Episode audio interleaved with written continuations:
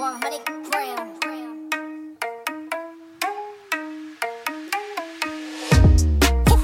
Feeling so tall, I could give a high five to the pilot. Yeah, family tight, I keep small circle like island. Whoa, inbox full of contracts I signed with a stylist.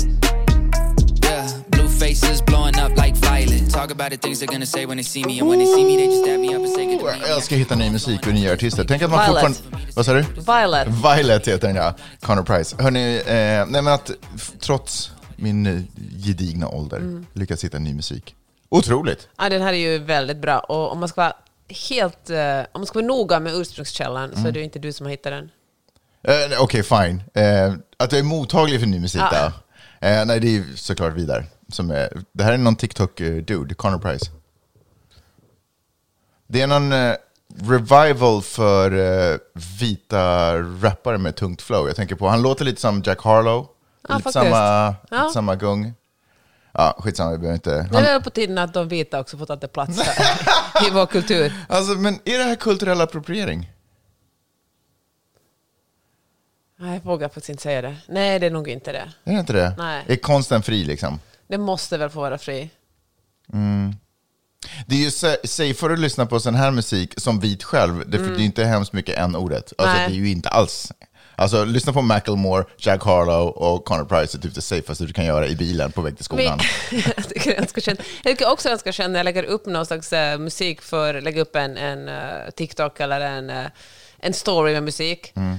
Och så någon låt som man tycker jättemycket om, men så finns en ord där. Ja. Då känner jag, nej, jag kan inte göra det. Nej, men, men det är inte nu då som det på riktigt blir kulturell appropriering. För då är den här musiken liksom anpassad för oss, så vi väljer att hellre lyssna på den här. Och alltså, alla de svarta som har liksom skapat den här världen blir utan businessmöjligheter för att det kommer vita och gör den vitanpassad. Ja, sant. Men jag tänker så här, vi får bara lyssna på jättemycket svart musik i smyg liksom, för oss själva. ja, och inte lägga upp det liksom på Nej. TikTok och så. Ja, fair enough.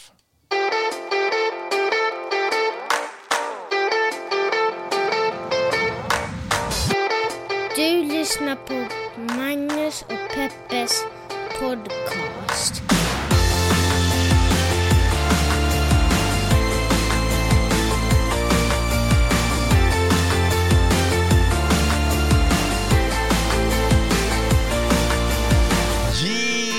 Buddy! Hjärtligt välkommen till podcasten som heter Magnus och Peppers podcast. En liten podcast där vi pratar om stora och små händelser i världen. Och så gör vi det ur ett feministiskt, journalistiskt och mediegranskande perspektiv. Hur mår du Peppe? Nej, men jag mår bra. Nej, det gör du inte. Ja, Slut- visst. du börjar podden med att fucking ljuga. Vad är det den här relationen vi ska ha med de som lyssnar? Nej, men jag mår ju på det stora hela bra. Nej, du mår dåligt, men du kan liksom inte bara erkänna det. Peppe, om man inte ser sina svagheter, hur ska man då kunna jobba upp dem till styrkor? Ja, om man ignorerar sina svagheter så... Så kan man. Ja. Så då Det är har man, gått bra hittills. Då är man per definition stark. Ja. det, alltså det handlar om vem som kan ignorera sina svagheter bäst. Ja. Ja, okej. Ja, ja, det är väl också en strategi. Men, eh, nej, men du är lite förkyld. Men jag har varit förkyld hela jävla hösten. Alltså Mm. Jag fattar inte varför jag... Jag, det, jag tänker ju aldrig på att man kan ta en sån här flu shot. Men det borde jag verkligen ha Du gjort. tänker att det är influensan? Men något sånt måste ju vara. Men jag tänker också att eh, du är ju ute och surfar i iskallt vatten, du, är uppe och, du gör ju massa saker som ändå är påfrestande för kroppen. Ja, men kyla gör den inte förkyld. Nej, Okej, jag orkar inte ha den här men argumentationen här. fysisk, an, för, alltså, fysisk ansträngning kan ju Ja, det kan jag vara- motverka det till kan jag vara med. läkande... Ja, men jag också jag känner mig så otroligt... Okej, med tanke på att jag är sjuk känner jag mig inte jättestark hela tiden, men jag ser jättestark ut. Ja. Visst gör jag det? ja, men it's all about image. Jag fattar. Det är så roligt att vara liksom, det är så roligt att surfa, det är så roligt att rida, det är så roligt att göra någonting varje dag. Min Apple Watch är helt sådär woho! Mm. What's going on? Det dubblar din målsättning. Ja, jag känner mig bekräftad av den åtminstone. Ja, jag fattar. Den är så här, oh, freak! Bam, banana, double freak! Så chic. Ja, Jag var tvungen att ta bort det där. Den vill ju att man ska ställa sig upp, eh, alltså på mina, att man- man ska nå sin stå upp på bord, alltså inte sitta Alltså ner. köra go. stand-up. Ja, haha.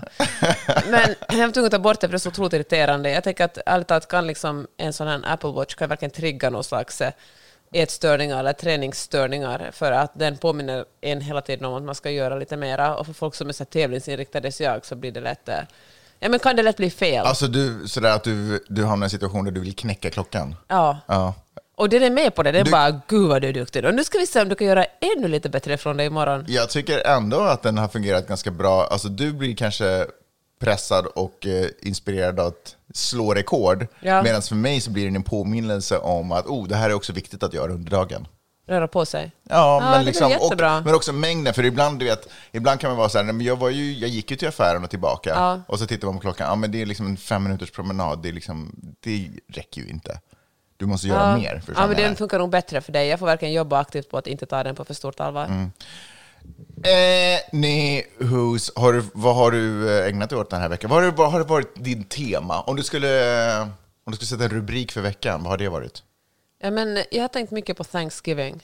Ja, det, det var ju Thanksgiving, ja, just Ja, det. det väl hela helgen och jag har tänkt så här. Alltså, Thanksgiving är ju den största helgen i USA, det kan man väl ändå säga. Folk reser härsan och tvärsan över landet, man åker hem till sina ursprungsfamiljer eller firar med vänner. Och, Den och julen. ja, men jag tänker att inte ens julen är lika stor som Nej, Thanksgiving. okej. Alltså, julen är ju holidays, det finns ju liksom Happy Hanukka, ingen vet när den judiska Hanukkan egentligen är, men det är någonstans där i, i hudsen. Tror Liksom. att det kanske finnas någon av judiskt descent som vet. som vet det. I så fall hör av dig. men, men jag tänker, det finns så många olika religioner som firar holidays eller inte firar alls här. Men Thanksgiving har ju bara nej, men en solid rasistisk bakgrund. Nej, men alltså, det, det är ju någonting... Mm. not to love? Nej, men det är någonting man ska försöka att eh, inte ignorera utan förstå att det kommer från skit. Mm. Men man kanske kan eh, göra någonting bra av det och jag tycker det finns något fint i att ha en helg på fyra dagar där man tar det ganska lugnt, även äter gott med familj och vänner och funderar på vad man är tacksam för. Hör du, när man säger att den kommer ifrån skit, vad menar man då egentligen? Nej, men det handlar om britterna och holländarna som kom till USA och hade ihjäl en massa ursprungsbefolkning. På Thanksgiving specifikt? Eller? Ja, och sen, eh, sen var man tacksam för att man hade det så bra här.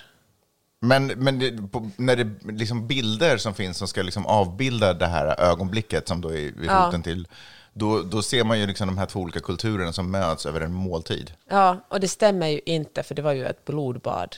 Alltså, man kom hit och slaktade folk och förslavade folk.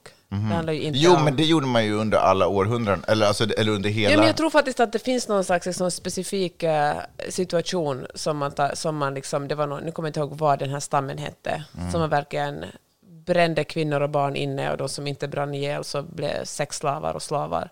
Och, eh, och sen, ja, och sen tyckte britterna och holländarna att det var en bra grej liksom, och de hade ett bra liv. De hade gjort rätt ifrån sig.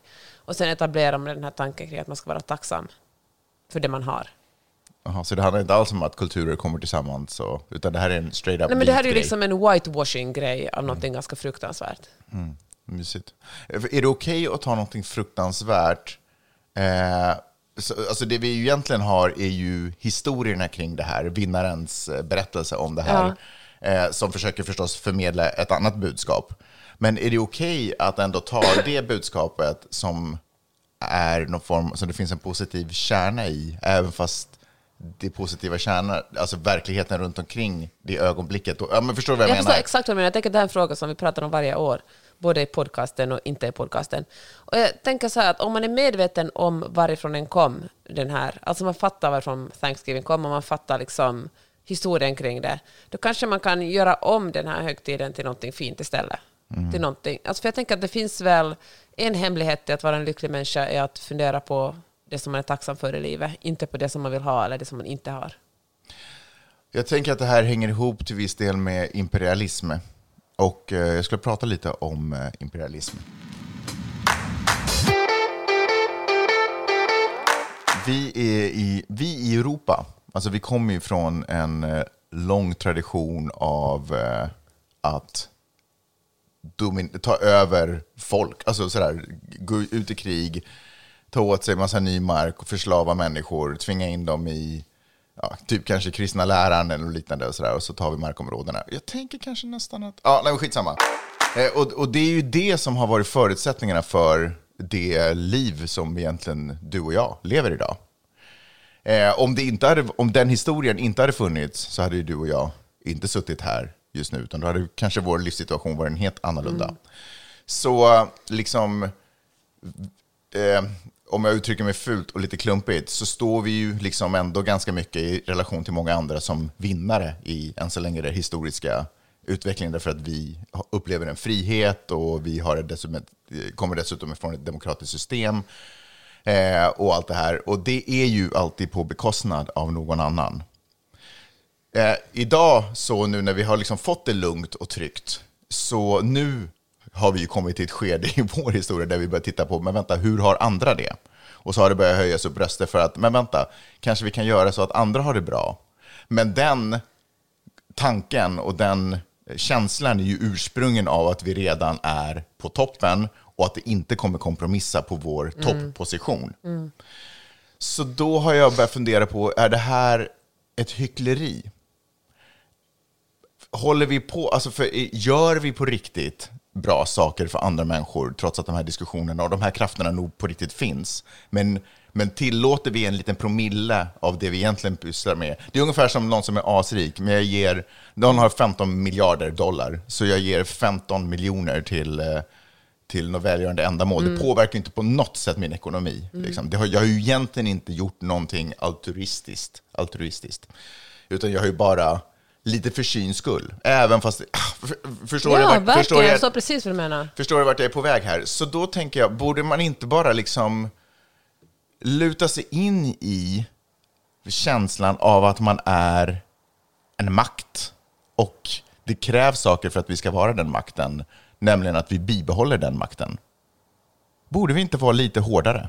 Nej, jag fattar inte vad du menar nu. Ja, men jag tänker så här, att istället för att låtsas som att vi så där ska försöka göra gott och sånt när vi egentligen inte vill det, borde, är vi inte, för då, drivs vi, då har vi hela tiden en inre konflikt på något sätt. Borde vi inte bara luta oss in i att så där, vi är en superpower och det här är vad vi fortsätter, i fortsättningsvis kommer att vara.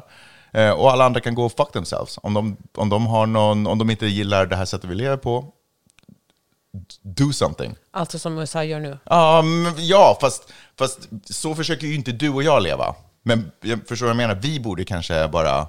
Vi Men på en, vilket sätt skulle det rent konkret ta sig uttryck? jag tror att det är mer en eh, känsla av att släppa en inre konflikt för att bli en helare människa. Att vi är onda vinnare liksom. Och det får vara okej. För att om inte vi hade varit det, hade någon annan varit det. Gud vad hemskt. För det första så tror jag inte att eh, det är särskilt strategiskt eftersom det som händer i Ukraina till exempel påverkar ju hela Europa och kanske för också USA. Alltså det är inte som att enskilda nationer är ensamma öar på något sätt. Utan det finns, en, eh, det finns ett egenintresse över att det ska vara någorlunda jämlikt och att det ska finnas någorlunda mycket demokrati i olika andra länder. Så att det, är ju in, det är ju inte helt altruistiskt att eh, USA är inne och fifflar med... Alltså, alltså det är...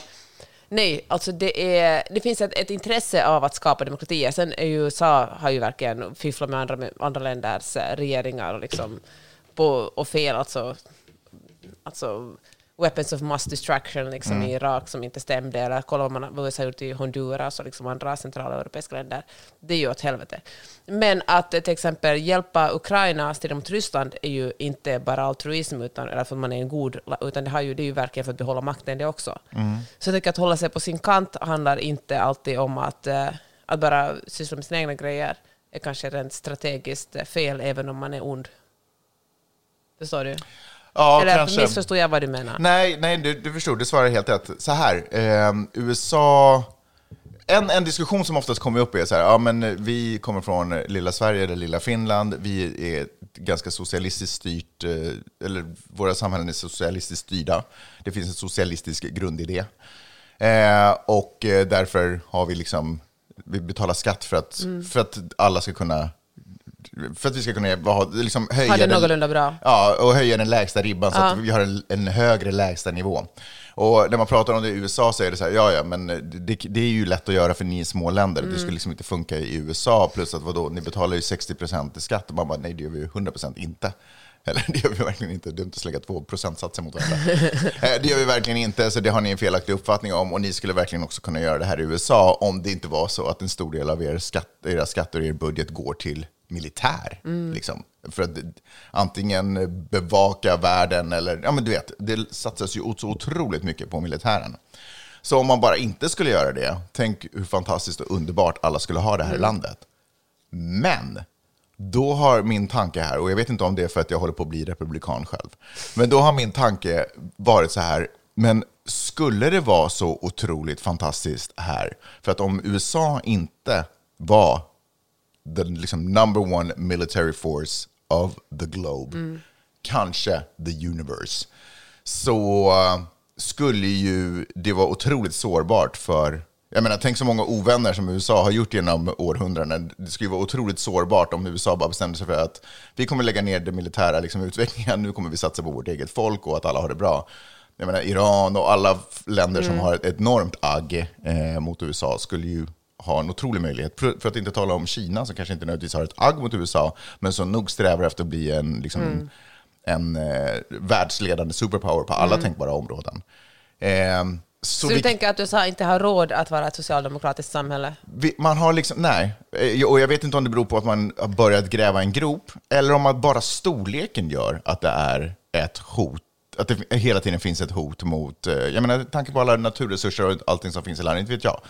Men förmodligen den största anledningen till att man inte har råd att inte vara det är ju för att man har fuckat upp med så mycket människor under alla dessa Det år. finns så många människor som är arga på en och Ja. därför måste man hålla dem på plats. Därför att man har varit ett, en, man har haft en imperialistisk attityd. Mm. Man ska vara världsherrar.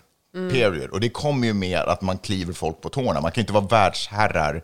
Eller det kan man väl i och för sig vara, men man gjorde, valde inte den eller vägen. världspolis, det var något som Trump ville dra USA ut ur. Ja. Han var ju väldigt så han var, nu är det slut på att medla i andra och syssla med Det är sant. Jag tror i och för sig inte att han ville att man sen skulle skära ner på militären. Jag tror Nej. att han fortfarande kände att det ska finnas ett enormt försvar. Liksom, och så. Men jag, eh, ja, jag håller med dig om det. Men jag tror att eh, USA har satt sig en, på en plats där det måste finnas en jätte, jättestor militär budget. Och kan vi inte också vara lite enade om att hade det inte varit på grund av USAs otroliga militära budget och styrka så skulle ju inte Sverige känna sig så tryggt och härligt som det gör. Och Ursäkta, Sverige kan känna sig tryggt och härligt tack vare Finland. det är sant, om vi, om vi tittar på Ryssland som hotet så är det ju 100 procent. Men jag menar, den här NATO-ansökan tror jag inte hade varit super, lika liksom, viktig och intressant om det inte så att USA hade stått som muskler i den. Fair enough. Men det som jag tänker på är att jag tycker inte att eh, försvarsbudgeten och välfärden är helt, eh, går emot varandra. Alltså orsaken till att USA har så dålig med socialskydd handlar ju också om att det är otroligt korrupt. Och korrupt i den längden att en massa rika människor får jättestora skattelättnader. Och en massa gigantiska företag får jättemycket stora skattelättnader. Om man tittar på som techföretag som, eh, som Facebook till exempel, eller Twitter eller Pinterest eller vad som helst, som sagt upp en massa människor nu, för, vilket ju är ironiskt för de har ju jättestora skattelättnader, delvis för att de har lovat att de kan erbjuda så många jobb.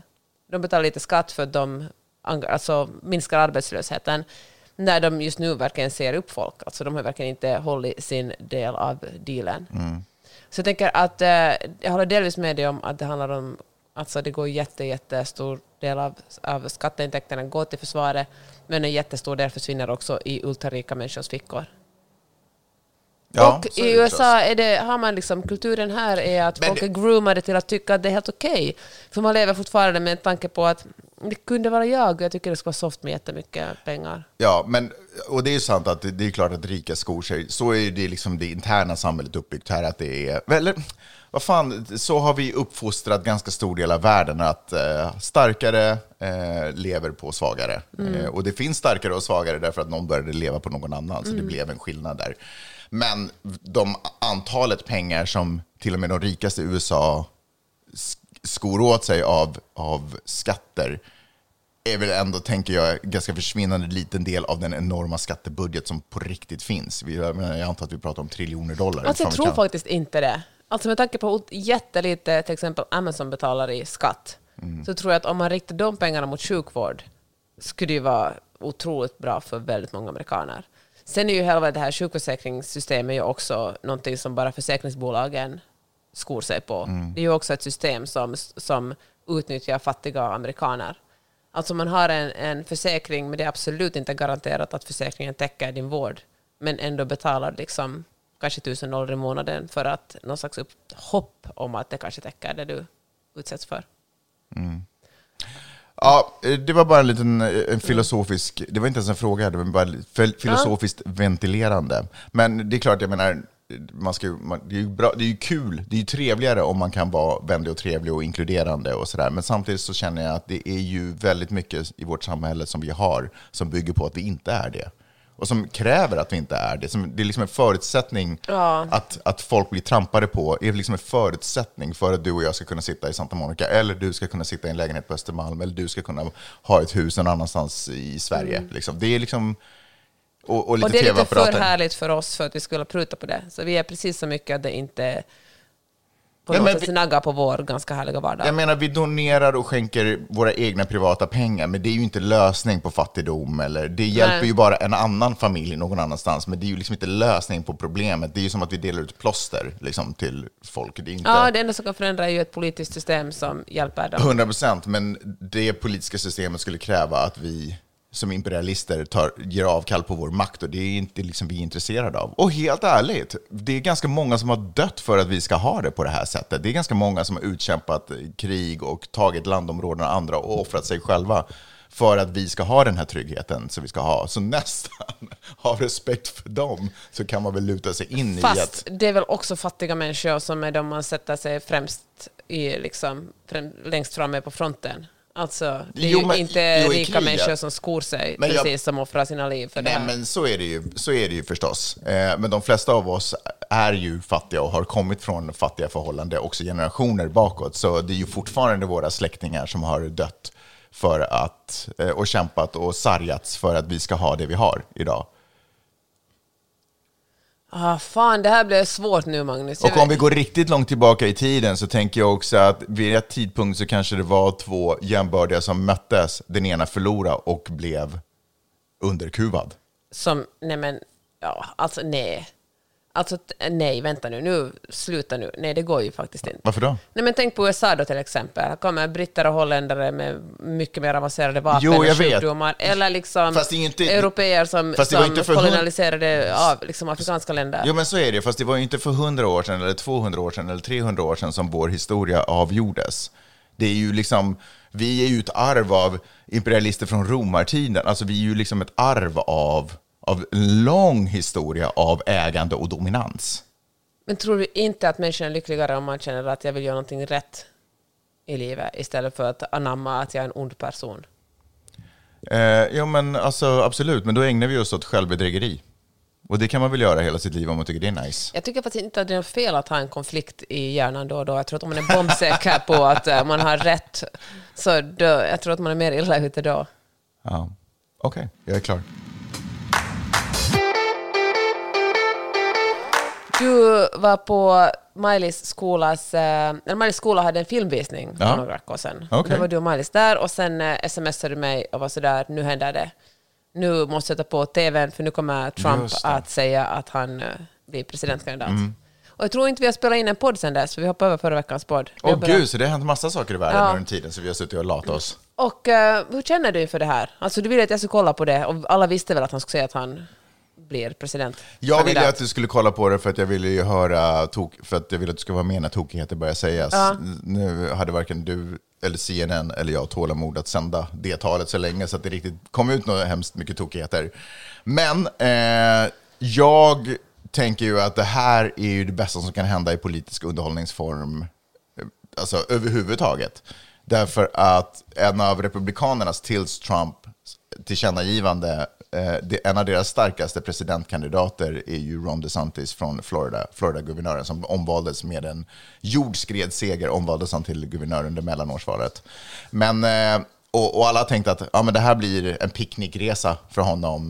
Det här blir en mysig liten hike upp till presidentposten.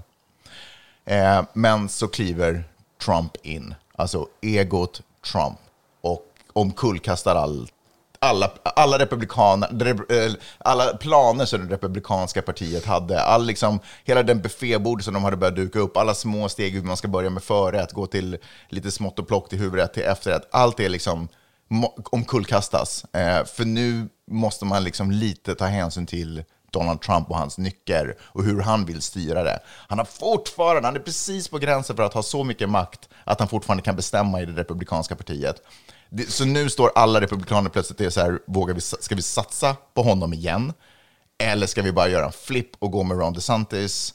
Eh, och ha den här chansen att mota bort honom från, från styret. För det är ju inte bra för ett republikanskt parti, även fast de älskar att få röster.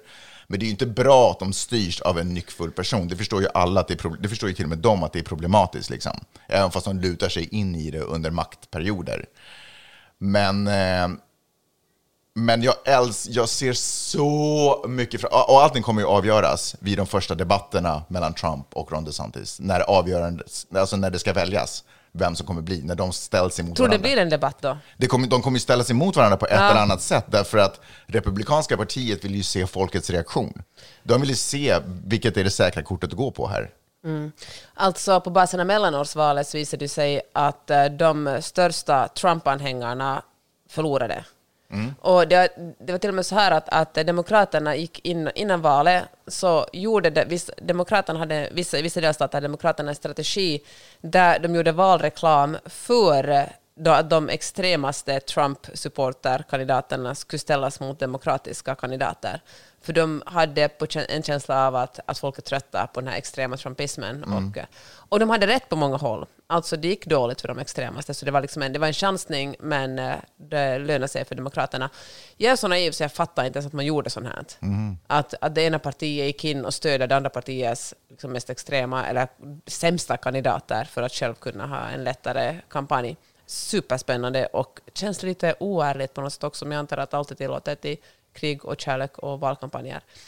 Men ehm, det som jag tänkte med att Trump, hans tal var ju väldigt tråkigt. Det var ganska energilöst, han upp, upprepade sig ganska många gånger. Det var tydligen så här att folk ville gå ut efter ungefär 45 minuter, för det blev så tråkigt när de Han var, ju, gå ut. han var ju liksom i Trumps mått mätt ganska PK också. Han var ganska lugn, kontrollerad, följde talet liksom, och snackade inte så mycket utöver det. Han ville liksom inte skapa, eller jag tror att hans team hade varit så här att de, vi ska inte skapa något konstigt surr här nu, där du slänger ur dig något eh, Tourettes, liksom. Mm. Något sånt. Och eh, man spekulerar ju också i att är det här något som Trump verkligen, verkligen vill själv, eller är det här ett sätt att göra det lite svårare för alla åtal? Han är åtalad för en massa olika saker, bland annat skattefusk och liksom förräderi för att han har tagit en massa dokument från Vita huset ner till Mar-a-Lago och en massa andra saker. Och att eh, det är mycket svårare att åtala honom. Inte omöjligt, men juridiskt blir det mer komplicerat. Är det här ett sätt att ha, hålla sig, ja, men dra ut på det här för att inte bli ställd inför rätta? Det tror jag att säkert, men jag tror också att det är en egogrej. Jag tror att han, eh, han vill komma tillbaka som en vinnare och bara visa vad skå... Så att, att alla, hela Du världen... brinner för den här Att kampanjen? hela världen får se att han, eh, han är en vinnare, han är ingen loser. Men tror sånt. du han kan vinna det här valet? Det, tror, eh, det tror jag faktiskt att han... Tror du vi får se Trump Eller så 2024? här, jag, tror, jag, är inte, alltså jag är lika osäker. Så här, för mig är det en. Coin toss? En coin toss. en, en myntflippning på om han för det första kommer bli Republikanernas presidentkandidat gentemot Ron DeSantis och för det andra om han blir det, om han kommer kunna slå Demokraterna. Just för att det är han som det plötsligt står då emot igen. Men det jag, framf- det jag ser fram emot mest är ju att tills, tills nu så har ju den här ah, hatiska och hittepå-retoriken som han ägnar sig åt hela tiden varit riktad mot Demokraterna. För det är ju alltid mot dem han har stått. Har det varit Biden eller har det varit Hillary eller har det varit någonting som man har liksom fått eh, när man, eftersom jag då upplever att jag kanske är mer demokrat så har man ju stått på andra sidan och bara fått höra det här och frustrationen av att lyssna på hans lögner som det inte går att argumentera emot för de är så fantasi, alltså de är så uh, Lord of the Rings, alltså det är bara så hittepå, det är science fiction. Nu kommer allt det här ske internt. Alltså det, är inte ens, det trillar inte ens över på andra planhalvan, utan allt det här kommer vara han och Ron DeSantis som ägnar sig åt det här. För han, Ron DeSantis är ju ingen pushover heller. Han är ju liksom nästan, han, som vi har konstaterat tidigare, han går ju nästan, han går inte i Trumps skola, för att så fungerar det naturligtvis inte, men, men han är ju ändå liksom, det är ju lite samma väljare som väljer Ron DeSantis. gud, Plus alltså, att Ron DeSantis, och, ja. och Ron DeSantis är mer politiskt skolad, han är ju mer klassisk politiker. Han, jag tror inte han har lika lätt att sådär fantasifabricera ihop saker som Trump, även fast upplever att Ron DeSantis också har det. Så det ska bli jäkligt roligt att se båda de här. Den ena har typ skaparen till Harry Potter, den andra är till Lord of the Rings, get at it, och bara hitta på trollformler trollformler som inte har med Demokraterna att göra. Men jag skulle säga att, att jag tycker absolut att Ron DeSantis har gått i Trumps skola. Det var ju så han blev vald som guvernör första gången. Trump endorsade honom och Ron DeSantis han gjorde till exempel en jätterolig eller rolig och rolig, men hans valkampanj handlade om när han låtsas lä läste en bok för sina barn och det var han sådär And then Mr Trump, eller, and then President Trump wanted to bygga a big, big wall. Och eh, han var ju verkligen en... eh, jag menar, han vann ju tack vare Trump. Både tack vare Trumps politik och tack vare att Trump endorsade honom. Och Men jag tror att Ron DeSantis vill vara presidenten själv nu. Jag tror inte han bara så lägger sig platt. Nej, det tror jag absolut inte. Och speciellt inte. Han vann ju med 60 procent guvernörsvalet. Alltså, det har gjort ett jättebra val. Och då kan man ju säga så här, men vadå, han är bara 44 år gammal. Han kan väl vänta på sin chans. Låt liksom Trump ta den här. Om fyra år kommer Trump att vara en gammal, en ännu äldre gubbe och sen kan Ron DeSantis komma. Men grejen är det att fyra år är en jättelång tid i amerikansk politik. Och om fyra år finns säkert någon annan som utmanar Ron DeSantis. Alltså, det ska vara dumt. Det är nu han har medvinden. Exakt, det är nu han står på topp, så det är, jag håller verkligen med dig om att det är svårt att tänka sig. Han har ju inte sagt ännu att han kommer att ställa upp i presidentvalet. Nej. Men det är svårt att tänka sig att han inte skulle, inte skulle göra det. Alltså att smida mellan... Och jag tror att han 100% har en chans att ta Ja. Trump. Så det skulle ju liksom vara, det skulle vara en otrolig, det skulle liksom vara en dubbelseger för honom. Att inte bara bli utvald till Republikanernas presidentkandidat, utan också blev det över just Mm. Trump, som är liksom, ja, legend får man väl ändå säga i det här laget. Men, Men- får jag bara säga, för det som jag tycker är så jäkla roligt, som jag bara ser upplägget till det här, och jag, kommer typ, jag har redan beställt popcorn, jag har, jag har satt på mig 3D-glasögon och jag är så redo för det här, köpt ny tv och allting. Eh, och det är ju att Trump till och med har sagt att sådär, han råder Ron DeSantis att inte ställa upp emot honom, därför att han kan berätta saker som kanske till och med inte ens hans fru vet om. Alltså du vet, bara den här retoriken att börja hota, man bara, I love it, och det är det här jag menar, för det är så... Men är inte ovärdigt att göra politik av sånt slask? Ja, men nu är det på deras planhalva det händer. I, alltså de kan ju typ, de är, såna, de är så nuclear båda två, så att de nästan skulle kunna få hela republikanska partiet att implodera. Och då, är, då vinner ju Demokraterna presidentvalet 2024, fast det egentligen på papper är en omöjlighet att de skulle göra det.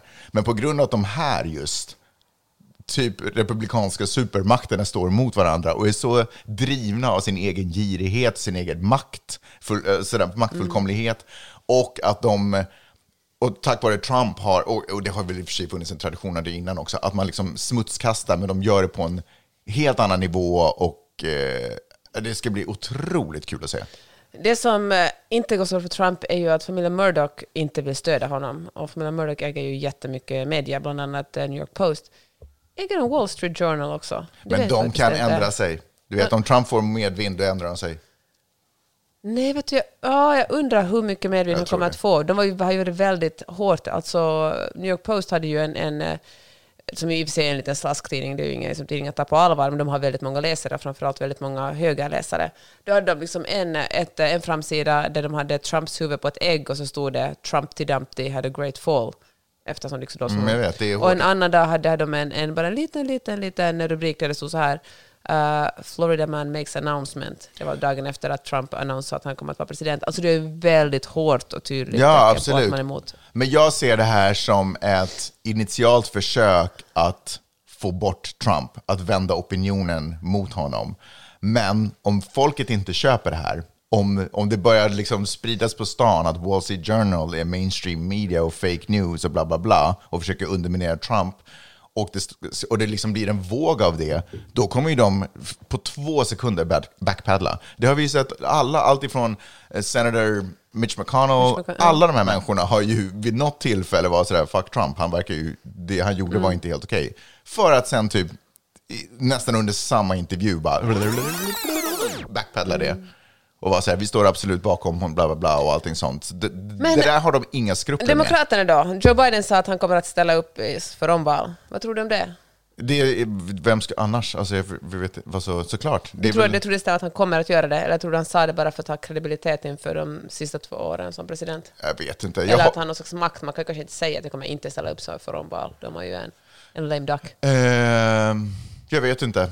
Jag vet faktiskt inte riktigt. Jag tänker att om det inte finns någon annan så gör han väl det. Men det finns ju folk som är intresserade av att ställa upp. Jo, alltså, men Pete jag menar någon som- Andrew Young, Amy Klobuchar, Alltså även fast jag kanske till tror... och med Elizabeth Warren. Alltså så här, om Ron DeSantis säger jag kommer bli presidentkandidat, då ändras spelplanen helt och hållet. För då kommer, som jag, som jag sa, jag tror att då kommer Republikanerna ha en jättejobbig eh, jobbig valkampanj framför sig.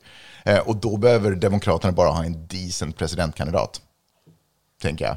Men är det så att... Men vad betyder decent? Betyder Joe Biden eller betyder det någon som inte är, lika, som inte är så känd ännu? Nej, men kan, då kan det vara någon som inte är så känd ännu, men som kan visa upp på ett långt record av att ha varit en stabil politiker liksom, och, och, gjort, och inte har några sexuella trakasserier i kölvattnet. Ja, men det bryr sig inte amerikanerna om. Nej, men ändå, alltså bara någon som har en ganska... För Biden är, alltså egentligen upp till hans presidentkandidatur så har han varit en decent politiker. Alltså, Han var en ganska bra politiker. han- folk, han är ju impopulär som president, men folk älskar ju hans policies. Ja, och framförallt så liksom andra politiker, alltså han kunde röra sig ganska fritt i, i rummen. Liksom. Han, han, och han hade varit med länge, han var liksom en legit dude i det där sammanhanget. Som man kan hitta, och det måste ju finnas någon annan som också varit där sedan sekelskiftet, förra sekelskiftet, som också är en typ Bernie Sanders, fast liksom kanske en lite yngre version. Eh, så då tror jag att Demokraterna typ kan ta eh, 2024.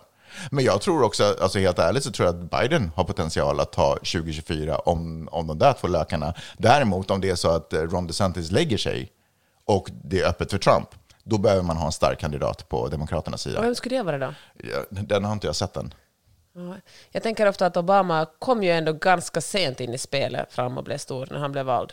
Alltså två år innan. Alltså Nej, jag ungefär den menar här det, tiden. vi har kanske inte sett den personen. Så vi har några månader på oss att... Men du bruk- Nej, jag tror vi har sett den personen, men jag tror, jag tror vi vet namnet på den personen. Mhm. Men uh, jag tror att det måste krävas en enorm satsning för att lyfta den. Just det. Kanye West sa ju att han ska ställa upp i presidentvalet 2024. Kanske det är han. Fast går han för Republikanerna eller Demokraterna eller Independent? Eller ställer han upp som musikproducent liksom? Han... eh, haha. Men alltså Kanye West, han har ju verkligen eh, jättehöga konservativa åsikter. Ja. Han eh, kommer ju självklart ställa upp för Republikanerna. Det är där han har sina röster också. Mm. Men eh, jag... jag vet jag tycker nästan lite jobbigt att prata om honom. Jag Nej, men han inte... kommer inte bli president. Alltså, Nej, det är klart han inte kommer, men jag tycker det är på något sätt jobbigt att prata om det. Inte för att han uppenbarligen mår dåligt, utan för att... eh, jag tycker så här för att folk... Nu har jag varit tyst några veckor i och för sig, Mm. men att eh, folk urs- ursäktar hans beteende med att han är bipolär eller liksom lider av psykisk ohälsa, för jag tycker att det är fult att... eh, jag tycker det drar en... en eh, jag tror att det drar psykisk ohälsa i smutsen. Alltså, det, det är ingen ursäkt. Alltså, folk som är bipolära, det här är inget typiskt bipolärt beteende. Nej. Att vara liksom... eh, Nej, men att han är ju liksom svart, men han är ju ändå uttalar sig rasistiskt och kvinnofientligt och emot eh, liksom... Men helt ärligt, alltså, jag tycker inte alltså skulden, eller skulden, inte vet jag. Problemet sitter ju naturligtvis hos honom, men det finns ju också ett problem med att han får en mikrofon framför ansiktet. Ja. Att liksom säga det. Så Verkligen. det kan, den kan man ju stänga av. Den kan man vara så här, men du är inte... Alltså jag menar, helt ärligt, när jag jobbade inom radio, så då, alltså man pratar, man går inte bara hu- hux flux fram till barn och intervjuar. Man går inte hux flux fram till folk som är uppenbarligen, eh, jag vet inte vad det PK-korrekta ordet är, men liksom, vad fan säger Lider av psykisk ohälsa. lider av psykisk ohälsa. Det gör man inte heller, sticker inte fram mikrofonen och får folk, liksom, man gör inte folk till åtlöje eller man, man pratar inte med folk som inte på riktigt kan representera sig själva. Liksom. Ja, bra. Jag skriver ju ett nyhetsbrev som kommer ut en gång i veckan. Oh, Oftast- shout-out! Ja, men peppe.substack.com finns det på och där listar jag, gör en lång lista med det bästa jag läst i veckan. Ja. Alltså en lång lista med länkar och så skriver jag ofta en liten krönika. Den här krönikan skrev jag om Julia Fox Kröningen. krönikan Ja och eh, kröningen. Och eh, kvinnors åldrande och the male gaze. Jätteintressant läsning, kan verkligen rekommendera det. Men jag börjar på en annan, så är det ofta för mig. När jag ska börja skriva någonting så börjar jag på en sak och sen är jag bara, ah, orkar inte. Det här, jag kommer fram till någonting nu. Så det sparar jag till podden, så jag tänkte dra det nu. Oj. Så här. Så nu får vi en oavslutad tanke Nu presenterad för får, oss. varsågod, välkommen till vår podcast. Tack. Nej, men det, roligare, det är lättare för mig om jag kan bolla det med dig. Mm. Då kanske du avslutar min tanke. Alltså, det mesta blir klarare Ibland behövs man... en man för att liksom komma till slutet. Det är så jag lever mitt liv, med den, den mottot. Hur som helst. Okej, för jag stör mig otroligt mycket på folk, och främst män faktiskt, som blir så besatta av andra män. Alltså, vare sig det är Elon Musk, eller Joe Rogan, eller Donald Trump, eller Kanye för den delen. Hur eh, det blir en, eh, en så stark rörelse kring de här människorna, vare sig det är politiker eller, eller eh, alltså finansmän, eller finansmän, vad skulle, Mm, ja, men ja. jag fattar. Du Gecko, liksom. Och att så fort någon annan försöker kritisera dem eller ifrågasätta dem på minsta eller sätt så, blir den, så blir, har den här personen som är besatt av, den här, av Trump då, eller ge, Mm. så personligen kränkt att han ger sig på kritikern. Mm. Hänger du med? Ja, ja, absolut. Och eh, att det verkligen, det handlar liksom inte om att man tycker gud vad den här människan har gjort bra saker, men jag fattar att det är bara en människa och den här människan kommer att göra fel ibland, utan man investerar så mycket, det blir nästan som en gud, liksom, att man blir personligt kränkt. Men har inte kvinnor, förlåt, men alltså, har inte, pågår inte samma sak bland kvinnor? Som, vem- Inte vet jag, vad heter den där författaren, eller den där manus som gjorde um, Fleabag och, eller, och, eh, och den där andra. Alltså det finns ju de här kulturella ikonerna inom, alltså kvinnliga kulturella ikoner som kvinnor också samlas runt. Ja, men går kvinnor, om någon kritiserar då, går kvinnor och mordhotar dem då, de Nej, människorna? men Eller det gör de hotar med våldtäkt, eller liksom blir Nej, det, eh, alltså, de? Det, nej, men det är ju ett manligt beteende, men jag menar bara det här att flockas och att kanske nog också känna sig kränkt om någon eh, skulle såga Gwyneth Paltrow, inte vet jag, men vad det nu kan vara. nej, men ge ett, ge ett bättre, ge ett exempel som motsvarar Joe Rogan, Donald Trump eller eh, Elon Musk. Nej, men det går, alltså, jag tror att exemplen finns där, men jag tror inte att du köper dem därför att mäns aggressivitet är ut, alltså, ut, alltså, den är mycket starkare än vad kvinnors aggressivitet, men lojaliteten kan väl ändå vara där? Ja, men jag tycker det är en annan sak med lo- lojalitet, för jag tänker att den här, det som män känner för de här andra männen är någonting som berör dem så djupt att de agerar ut. Jag tänker att kvinnor kanske kan, eller du menar att det är det som är det manliga beteendet, att man agerar ut på det, man är inte sådär, fy fan vilken idiot du är, så går man hem liksom och lyssnar lite mer på Taylor Swift. Va? Men så här, när någon, jag säger så här, jag kritiserar Elon Musk på Twitter, Mm. då får jag liksom hundra svar av Musk-fans och de är sådär, din fucking hora, jag ska våldta dig. Jesus. Och, eh, och Men också grovt för ett exempel bara. Men Nej, men sådär, såna ja, ja. är ni ja, jag fattar, alltså. jag fattar, jag fattar. Jag fattar ja. Men eh, så kritiserar en, en snubbe Taylor Swift på Twitter. Mm. Då får han liksom inte hundra kvinnor som känner sig så personligen kränkta att de måste agera ut på den här och liksom offentligt, eller på idén för den delen, måste sänka den här mannen. Utan kvinnorna är bara så där, det var dumt tänkt, eller det var dumt sagt, och sen går man hem. Förstår Mm. du? Att man, man liksom, det blir inte en sån kränkning att man måste agera på den, utan man bara, yeah, whatever, liksom. Tycker, du liksom. Men drev eh, sker ju av kvinnor på nätet också. Kolla på det här, ska det här, ska det verkligen hålla på så här? Det här är fruktansvärt. Ja, det gör det, men jag tänker att, att ja, det, som, det gör det verkligen. Men, eh, och, jag- och liksom, jag säger inte att alla kvinnor är så himla trevliga på internet heller, men jag tänker att det här att ha en manlig ikon är någonting som ändå flest män faller för. Att man är så besatt av en människa att det blir som en sekt nästan. Och att man blir så arg om någon på något sätt försöker sticka hål på den här, den, det man tror om den här personen. Och det, men det där måste ju vara kulturellt betingat. Jag menar, man bara tittar på vilket... Ja, eller nej, precis. Att, att män... Ja, nej, Hur 100 som helst. procent. Och då, jag tänkte skriva om det här. Alltså jag tror män älskar ledare också. Jag tror Ja. att man, man, det är som att man tror att man får ledarens egenskaper om man följer någon och då Ja. känns, och då känns det nice och cool. Men jag tänker att det, det måste väl typ förklara, alltså om inte, om inte män hade den egenskapen, då skulle ju inte liksom ledare i forntiden som Alexander den store kunna ha en armé med dudes bakom Nej. sig. För att, alltså, om, om folk tittade på honom och han var så här, nu drar vi ut i ett krig, ni kanske aldrig kommer hem till era familjer mer, eh, men det kommer finnas glory och, och ära för Ja. er. Då hade de ju bara tittat på honom och bara, du är ju sinnessjuk i huvudet. Men jag tror det finns, det som, du vet när Ronald Reagan på 80-talet så trickle down economics, economics, economy, och menar att om det finns tillräckligt många rika, rika så kommer slantarna trilla ner på de fattiga, vilket ju inte, alltså... Det är ju finns- otroligt vackert, det är som att alla andra är hundar och man får ta rösterna som trillar ner Ja, från bordet. och det är till och med hittepå, så funkar det inte. Utan de rikare blir bara rikare, de fattiga blir fattigare. Men att det här finns någon sån här trickle down makt eller trickle down, inte vet jag, glory, som de män som följer den här personen Mm. hoppas få. Att man får liksom en liten bit av den här glansen om man bara följer. Hur som helst, då, det, det har jag tänkt på. Och eh, så tänkte jag skriva om det och sen slog det mig att kanske vi som är journalister har en viss... Eh, jag menar att, det är något, att vi bidrar till den här. För väldigt ofta när man intervjuar män som då Donald Trump och, eh, och Elon Musk och säg Jeff Bezos, och, fast han kanske inte har riktigt samma fanskala, så skriver man dem som, kanske då främst Elon Musk har verkligen beskrivit som enbart ett geni.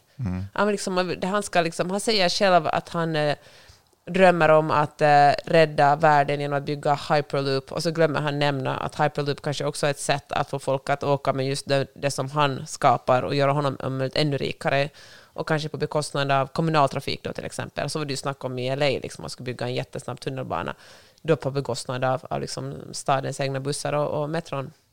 Eller att han har ambitioner att åka till Mars. Och det är ju liksom, jag säger inte att allt han hittar på är, är, är dåliga idéer, men att man på något sätt blir så, också som journalist blir man så förbländad av en person att man beskriver honom på ett sätt som gör att människor blir lite besatta av honom istället för att ja, men det är helt enkelt dålig journalistik. Och ett, det senaste exemplet kanske den här Sam Bankman-Fried, alltså den här eh, FTX-snubben som ser ut som lite av en uteliggare, som väldigt många miljonärer liksom sportar med att se ut. Han har lite rufsigt hår, typ i shorts och så på en beanbag i, i, i sin office. Och Lite Boris Johnson-vibe. Ja, men verkligen, lite Boris Johnson-vibe, liksom rusta till håret innan intervjun. Och sen Bankman Fried, var han hade en sån här cryptocurrency som hette FTX, som eh, han, eh, som han lurar folk på jättemycket pengar om man ska göra det. Jag tycker att det är för komplicerat för att kunna förklara det på ett vettigt sätt. Någon som är smartare än jag får förklara det. Men han i alla fall, han eh, lovar med säkerhet på sina egna. Han, han sa att jag har jättemycket pengar, ingen dubbelkollade, så jag lovar att om ni investerar får ni jättemycket pengar tillbaka. Och det här håller ju så länge tills någon börjar granska och säga att vänta lite, alltså du är din egen säkerhet, så du har ju ingenting att backa upp det du säger med. Men han, när han uppträdde i media såg han ganska sympatisk ut och han talar mycket om, om eh, effektiv eh, altruism som handlar om att man ska ge bort för det första jättemycket pengar som miljonär det som, och man ska också investera i sånt som verkligen har långsiktiga, um, som verkligen hjälper. Man ska liksom inte slänga pengarna på någonting som som, eh, som kanske ser bra ut men som inte har långsiktiga effekter. Alltså jag pratade om det här med min kompis Niklas och han sa, gav ett exempel om hur eh, det var någon som hade investerat jättemycket pengar i, i vatten, brunnkaruseller som handlar på något här att, man inv- att en, en massa brunnar som har en karusell runt sig och när barnen lekte i karusellen trampade de på den och det här trampet skulle typ få vatten att komma upp från brunnen och då skulle ett energiproblem vara löst. Och så investerades det miljoner i det här. Sen visade det sig att inget barn trampade på den karusellen för, för brunnarna låg typ jättelångt från byarna och det fanns inga barn just där, så det funkar inte. Men, men att, att den här liksom effektiv altruism handlar om att man investerar pengar som verkligen kommer, jättemycket pengar som kommer gå till ett gott ändamål. Och det var det som den här Sam Bankman-Fried pratade väldigt mycket om. Han var sådär att jag vill ge bort alla mina pengar. Han jag, kändes som en av the good guys. Liksom. han, verkligen, han donerade som jättemycket pengar till Demokraterna och liksom var sådär att jag vill att USA ska bli en riktig demokrati och där man är politiskt aktiv. Sa högt och tydligt att jag skulle klara mig på 60 000 dollar om året, vilket är jättelite pengar i, åtminstone bor i en storstad i USA. Ja, det var där vi började. Och uh, ja, men du pratar mycket om hur anspråkslös han är. Sen ägde han ju såklart en massa alltså villor i Bahamas och liksom hela, hela hans familj investerade. Alltså, de, han, han sa det här men han levde inte så. Men han gav intryck av det. Och det var så också som, som eh, journalister porträtterade honom. Han talade mycket om altruismen och hur han vill liksom ge bort en massa pengar och vilken god person han är. Och, eh, och då tänkte jag att herregud, vi som journalister gör verkligen dåliga jobb och vi bidrar kanske det, alltså om vi inte skärper oss själva så bidrar vi till en sämre värld. För vi ger bilder av, av eh, jätterika människor som inte är korrekta. Vi måste bara liksom bli modigare och våga granska folk vi... Fast det får jag väl... Ja, så är det ju förstås. Sen, Men- orsaken ja. till att, eh, alltså, sen finns det ju såklart också journalister, inte alla journalister. Nej, men det handlar ju också, precis som vi också har pratat om, det handlar inte bara om att eh, rapportera och berätta saker, utan det handlar om att sätta saker och ting i en kontext som gör att man liksom ser det. För att jag menar, bara det att det har pratats om och berättats, och bara det att till och med att eh, Elon Musk i ett, ett ögonblick av inspiration slängde ur sig konceptet Hyperloop har ju öppnat upp tankar. Då har det ju också öppnat upp för visioner. Så bara, men gud, varför har vi kollektivtrafik på det här sättet ens? Ja. Det har ju inte hänt något. Det är ju ingen som har jobbat på, inom kollektivtrafiken, verkar det som, som det senaste har ens funderat på hur det här kan utvecklas. Och det kan bero Ja, det tror jag nog folk Ja, har, men det tror jag säkert har. Men om vi tittar på hur tunnelbanesystemet så är det egentligen bara vagnarna som är nya och de är säkert bättre. Det säger jag inte, men jag bara menar, det är fortfarande samma fucking räls och det, tar fort, det är fortfarande samma tid. Alltså,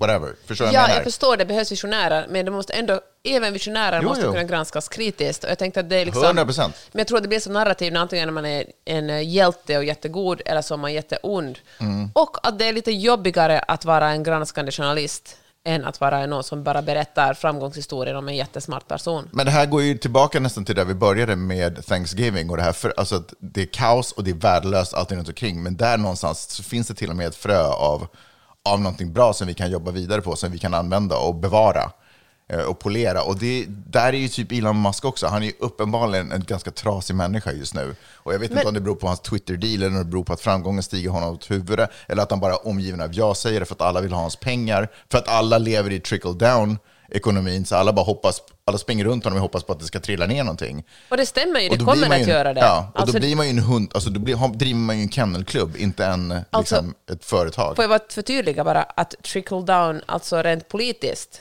kommer det inte att ge skattelättnader åt de rika och liksom kommer inte att göra trickle down. Men det, men det finns det ju vetenskap som visar sig att om man själv, alltså som individ, håller sig nära rika, bor på rikt område, har sina barn i skolan med rika människor, då, då kommer man att tjäna på det. Alltså rika, halv, medelklass som lever nära rika människor tjänar på det och blir själv lite rikare. Men jag tänker också, sen behöver vi tala mer om de här, men liksom som Kanye, det som du sa om Elon och Kanye och Trump, att bli omgiven av ja-sägare, gör ju också någonting med ens psyke. Alltså man blir ju lite dum i huvudet Ja. av att ingen någonsin ifrågasätter en. Och man blir, och att ha så mycket pengar också. Man börjar tro att, att jag, är så, jag har så mycket pengar för att jag är så smart och för att jag är lite bättre. Och jag tycker det var en, eh, jag minns inte vilken tidning jag läste det i, men i mitt förra nyhetsbrev länkade jag till en, en artikel som handlar om just det, hur det finns en rörelse bland så här superrika, alltså miljardärer, där de har jättemånga barn. Alltså Elon Musk har ju själv tio barn. Han fick senast ett par tvillingar med någon som jobbar för honom på Tesla. Och eh, utan att leva med den här människan då. Och det är liksom, och Elon, det, det, de här miljardärerna, de med Elon Musk i spetsen, tror seriöst att deras gener är lite finare än andra människors gener, att de får lite smartare barn. Och därför är det viktigt för att mänsklighetens överlevnad att de gör så många barn som möjligt, för de här barnen kommer under sin generation, eller sina barns generation, att bygga den här kolonin på Mars eller lösa klimatkrisen. Och det är ju också en form av eh, Nej, men Alltså- alltså, det där har ju, det har ju praktiserat i monarkier i liksom tusentals år. Det är ju hela brittiska freaking kungahuset går ju på samma teori. Nej, för det Att vi, är det bästa, att vi ska ha de bästa människorna. Nej, alltså det är väl mest, eh, alltså det känns ju, det är som Tyskland på 40, 30 och 40-talet. Alltså kungahusen, det var ju mest så att vi undviker krig genom att eh, syssla med ingifte. Att syssla med ingifte är ju motsatsen kanske till att skapa jättebra individer. Eller tänker du, har- att adeln, liksom, Ja, att folk som har liksom... ja, att adel man gifter sig inte- med adel därför att det är bättre människor. Det, är ju, det här är, ska ju låtsas, det här är ju mer en moderniserad version av det. Liksom. Mm. Att de sen ska eh, få barn med varandra. Men ehm, eh, jo, alltså det jag skulle säga är att det, är ju, alltså det finns ju inget mer fördummande än att vara den smartaste i huset, och nu, eller i rummet. Och nu vet jag, det kanske inte nödvändigtvis går att applicera på Elon Musk, men jag tänker att han har haft en period i sitt liv där han faktiskt hade jävligt, alltså han var, han var på en bra väg helt enkelt. Men sen på grund av, och det här är ju problemet med liksom USA och kapitalism typ skapar det, och som vi pratade om trickle down ekonomin, att man blir ganska, alltså när man blir framgångsrik blir man säkert ganska snabbt också ensam. Eh, och då, ja, då, då har man inga, alla de smartaste, de har stuckit iväg och gjort andra saker. Och så är man bara omgiven av folk som vill ha en, bit, av, en bit av kakan. Och det finns inget utvecklande i det. Ingen som ifrågasätter en eller utmanar ens idéer. Nej. Och det så, alltså, vad man än vill bli bra på eller bäst på, vare sig vara smartast eller kunna någonting bäst, så måste man vara i miljöer där alla andra är bättre, Ja.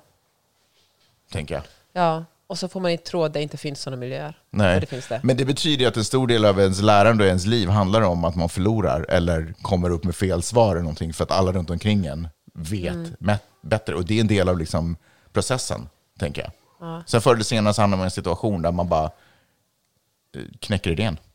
Eller vinner matchen eller loppet eller vad det tusan än är. Ja. Nej, jag måste faktiskt hålla med dig om det. On the grind. Hörni, eh, vi är klara där. Ja. Vi hörs snart igen. Tack för att ni har lyssnat. Ta hand om er. Hej då! Hej då!